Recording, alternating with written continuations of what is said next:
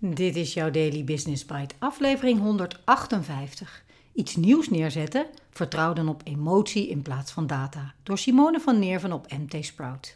Cijfers zeggen niet alles, schrijft columnist Simone van Neerven. Zo liet American Airlines na onderzoek onder reizigers alle toestellen ombouwen voor mensen die meer beenruimte wilden. Later bleek dat niemand daarvoor de portemonnee wilde trekken. Er schuilt een gevaar in het alleen maar vertrouwen op data. Je luistert naar Daily Business Bites met Marja Den Braber, waarin ze voor jou de beste artikelen over persoonlijke ontwikkeling en ondernemen selecteert en voorleest. Elke dag in minder dan 10 minuten.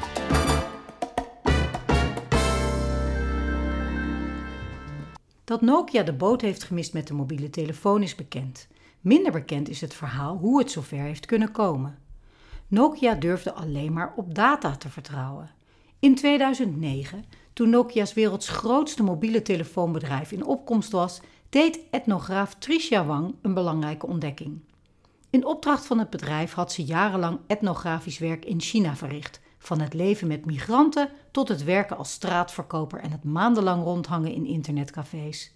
Ze ontdekte dat mensen met een laag inkomen bereid waren te betalen voor duurdere smartphones, zelfs als het betekende dat ze meer dan de helft van hun maandelijkse inkomen zouden moeten uitgeven om er één te krijgen. Wang zag dus een enorm gat in de markt. Nokia had al een smartphone op de markt gebracht, alleen die was duur en ingewikkeld en werd daarom maar door een select publiek gebruikt. Ze adviseerde Nokia om hun huidige productontwikkelingsstrategie te veranderen van het maken van dure smartphones voor elitegebruikers naar betaalbare smartphones die voor iedereen te betalen zou zijn. Maar Nokia wist niet wat ze met deze bevindingen aan moest. Ze zeiden dat een steekproefomvang van 100 waarnemingen veel te klein was vergeleken met hun eigen informatiebron die miljoenen datapunten bevatte. Bovendien gaven ze aan geen enkel soortgelijk signaal in hun data te zien. Ze besloten om niets te doen met de inzichten van Wang. Airbus' grootste vliegtuig flopte. In de jaren 90 stond Airbus voor de vraag hoe het vliegverkeer zich de komende decennia zou ontwikkelen. Eén ding was vrijwel zeker. Het luchtverkeer zou de komende 20 tot 30 jaar in een enorm tempo blijven groeien. Onderzoeken lieten zien dat de groei zo snel zou zijn dat de capaciteit op luchthavens en in de lucht misschien wel eens de beperkende factor zou kunnen worden. Dus bedacht Airbus dat de oplossing zou liggen in grotere vliegtuigen. Ze ontwikkelden de A380, het grootste passagiersvliegtuig ter wereld, van 73 meter lang met een spanwijdte van bijna 80 meter. In 2007 vond de eerste commerciële vlucht van de A380 plaats. Airbus verwachtte er ruim over de duizend te kunnen verkopen in de eerste 20 jaar. Maar een dikke 10 jaar later droogden de orders op en waren er slechts 250 verkocht. De productie werd stopgezet en het totale verlies was zo'n 25 miljard euro. Dat de markt enorm steeg had Airbus goed gezien. Maar wat ze niet goed hadden opgemerkt is dat een groot deel van die groei van budgetmaatschappijen kwam die rond die tijd in opkomst waren. Om kosten te besparen vliegen deze luchtvaartmaatschappijen veelal naar de kleinere vliegvelden die veel te klein zijn om zo'n enorm vliegtuig af te kunnen handelen. Tegen de verwachting in bleken passagiers het geen probleem te vinden om naar deze vliegvelden toe te komen. Dat hadden ze graag over voor een lage ticketprijs. Airbus had dit, toen nog zwakke, signaal volledig gemist. Luister vooral niet altijd naar wat klanten zeggen. Het gebruik van big data kan ongelooflijk waardevol zijn voor een organisatie. Maar meer cijfers leiden niet per se tot meer inzichten. Er schuilt ook een gevaar in het alleen maar vertrouwen op data. Mensen kunnen zo volledig geobsedeerd raken door de cijfers dat ze geen oog meer hebben voor andere inzichten. Te veel vertrouwen op data zonder rekening te houden met de menselijke factor kan een van de gevaarlijkste dingen zijn die een bedrijf kan doen. Dat laten de voorbeelden van Nokia en Airbus zien. Tegelijkertijd weten mensen vaak niet helemaal wat ze willen. Ze zeggen wel dat ze iets zullen doen of kopen, maar in de praktijk doen ze het tegenovergestelde.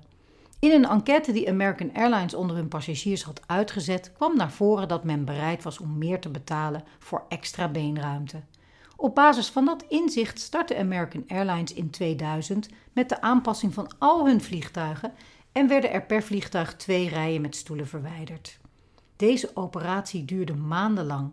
Vliegtuigen werden korte tijd buiten dienst gesteld en enorme budgetten werden besteed aan marketing.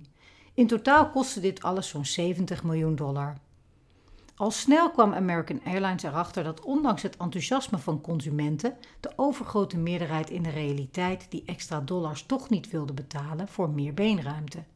En dus werden vier jaar later de stoelen weer teruggeplaatst in de vliegtuigen, wat uiteindelijk meer geld kostte dan ze er destijds uithalen.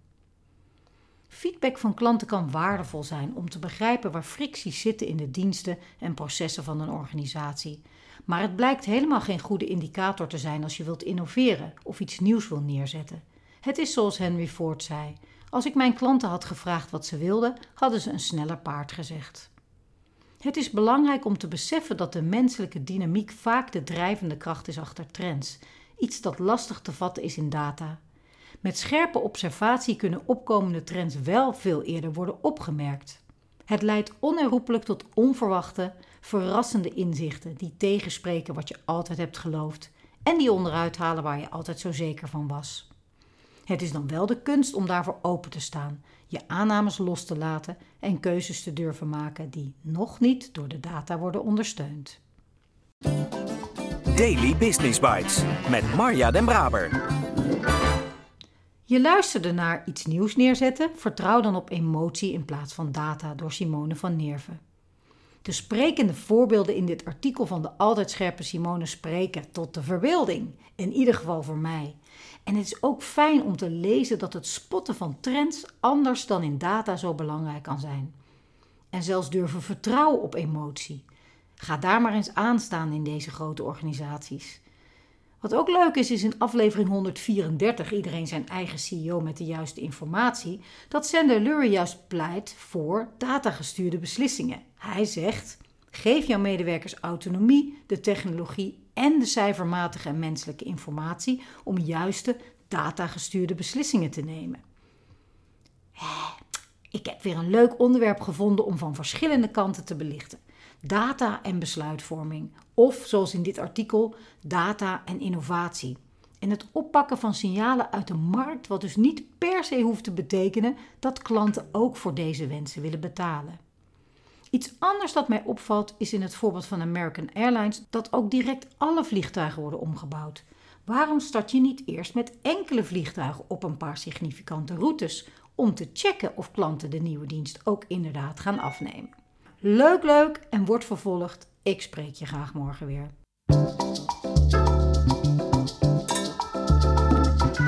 Dit was Daily Business Bites. Wil je vaker voorgelezen worden? Abonneer je dan op de podcast in je favoriete podcast-app. Meer weten? Klik op de links in de show notes.